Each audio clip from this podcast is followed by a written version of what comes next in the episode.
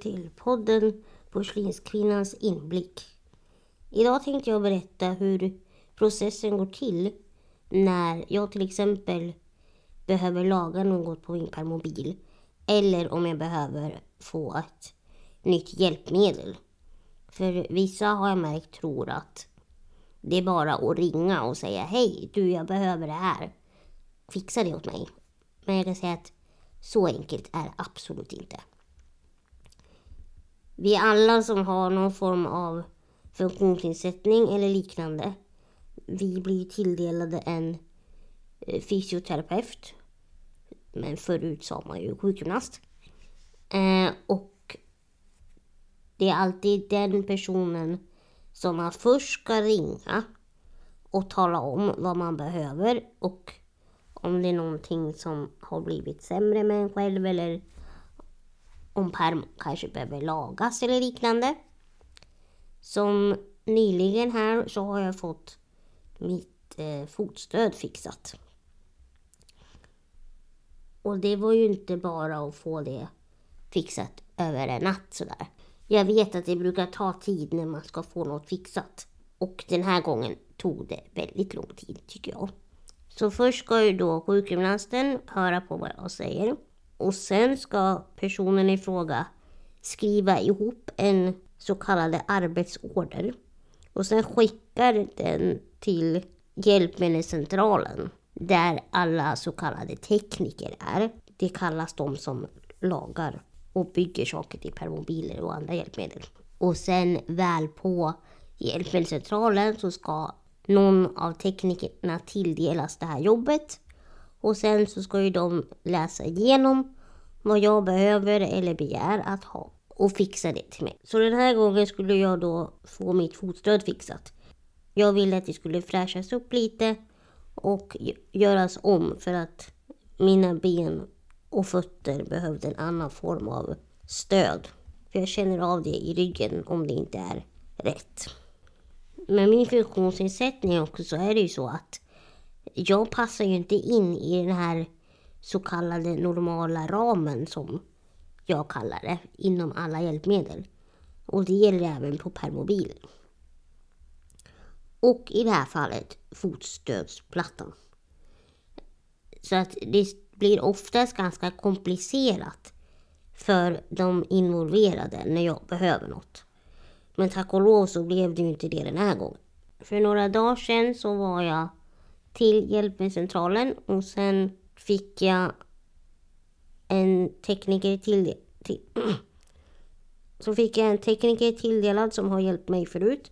Så han förstår ju vad jag begär. Och jag är ganska noga med hur saker och ting ska se ut. För jag vill inte att det ska se ut hur som helst. Och det har lärt sig att jag är väldigt petig. För jag vill att, som i det här fallet med permobilen, så jag vill inte att något sticker ut. För jag sticker ut redan som det är. Så att eh, den här gången när jag var på hjälpmedelscentralen som det heter, så fick jag åka upp på en liten arbetshissbänk. Och sen körde han upp mig i luften och sen gjorde han om fotstödet. Och sen satt jag där uppe i luften i ungefär nästan en timme. Och grejen är att jag har ju lärt mig under åren hur man gör saker. Och jag har ju under hela mitt liv stått och tittat på när min pappa bygger saker. Så jag har ju lärt mig på så sätt också. Så många gånger brukar jag tala om för andra hur någonting ska göras eller byggas ihop. Och då blir personerna i fråga jättefundersamma och jättechockade hur jag kan veta det när jag inte kan göra det fysiskt själv. Men bara för att man inte kan göra det så betyder inte det att man inte förstår någonting. Och bara för att jag inte kan göra det fysiskt själv så betyder inte det att jag som sagt inte förstår något. Så att det är väldigt roligt när jag talar om för andra att jag vet hur man gör. Då blir de jättechockade.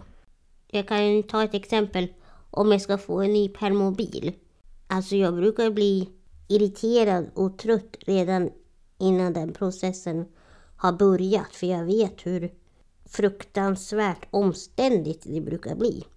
För det första så ska det alltid vara så många involverade i själva hela processen. Det ska vara en sjukgymnast och sen ska det vara ja, jag ska ju självklart vara med. Och sen är det en eller två tekniker. Och nu är vi uppe på fyra personer. Och sen ska det vara en som förskriver hjälpmedlet som är på hjälpmedelscentralen och jag vet inte vad den personen kallas. Och nu är vi uppe i fem personer. Och sen brukar det vara en till, en sjätte person som ska liksom stå och studera lite så att saker och ting görs rätt och så att jag får det jag begär. Och det kan ju vara både... Och sen ska det vara en sjätte person som brukar vara med också. Det är min arbetsterapeut som ska vara med och studera så att jag får det jag behöver. Men det är ju även sjukgymnastens uppgift. Men under alla åren så har jag sagt åt dem att jag vill inte ha en hel skolklass med mig när jag ska få ett nytt hjälpmedel. För jag vet vad jag behöver. Så det behöver liksom bara vara jag, min assistent, en tekniker och min sjukgymnast som är personen som förskriver det. Sen behöver det inte vara fler personer, då är vi uppe i fyra personer. Och sen är det också sådär när man ska bygga ett hjälpmedel i dagens samhälle så är det så att de får ju bara göra vissa saker med tanke på att jag är ganska, eller ganska, med tanke på att jag är annorlunda jämfört med alla andra. För jag passar inte in i den ramen. För det är ju inte många personer som har benskörhet, är strax under en meter lång och inte passar i någon permobil eller hjälpmedel överhuvudtaget. Och då tänker jag, då är det ganska logiskt att man måste, att man måste specialbygga saker. Men det tycker inte vissa inom, inom landstinget alls. Så då har jag varit ganska irriterad och tjafsat med dem en hel del. Så till slut så förstår de ju att nej, men jag kan ju faktiskt inte ha allting som de tycker att jag ska kunna ha. Så att det brukar faktiskt vara så att jag är arg redan innan jag åker dit. För jag vet vilken process det brukar bli och jag får alltid ont i huvudet före. Jag har ju försökt att, jag har ju försökt att skärpa mig på den delen. Det var en kort sammanfattning av hur det går till när jag får hjälp med till exempel permobilen eller får eller när jag ska få ett nytt hjälpmedel. Och det är en ännu större process när jag ska få en ny sits. Med tanke på att min sits är specialanpassad på grund av min skolios. Men jag tänkte det kan jag berätta om i ett annat avsnitt. Det var det jag hade att bjuda på idag och innan jag började spela in det här idag så la jag upp på min Instagram att man fick ställa en fråga till mig som jag svarar på här i slutet. Och då fick jag en fråga från en tjej som frågade mig vad får dig att bli glad och må bra? Och fortsätt vara den glädjespridare du är. Först vill jag tacka dig för den fina frågan och för dina fina ord. Det som får mig att må bra det är när jag inte har ont någonstans och inte har några frakturer. För det är en stor lättnad.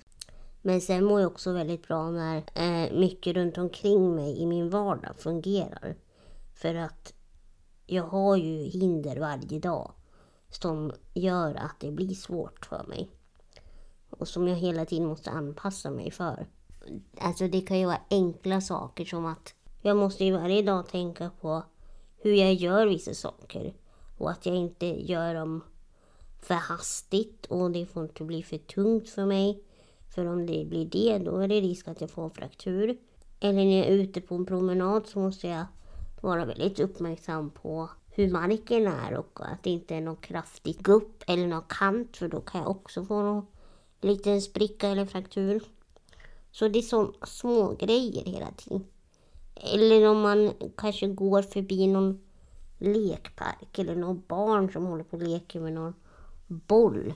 För om jag får en boll på mig då vet jag att då är det bara att åka till sjukhuset direkt. Men som sagt, jag brukar inte fundera på så mycket vad jag bör undvika här i vardagen och vad jag inte ska göra utan jag fokuserar mer på allt jag klarar av och att jag mår bra. Så det var det jag hade att bjuda på i dagens avsnitt.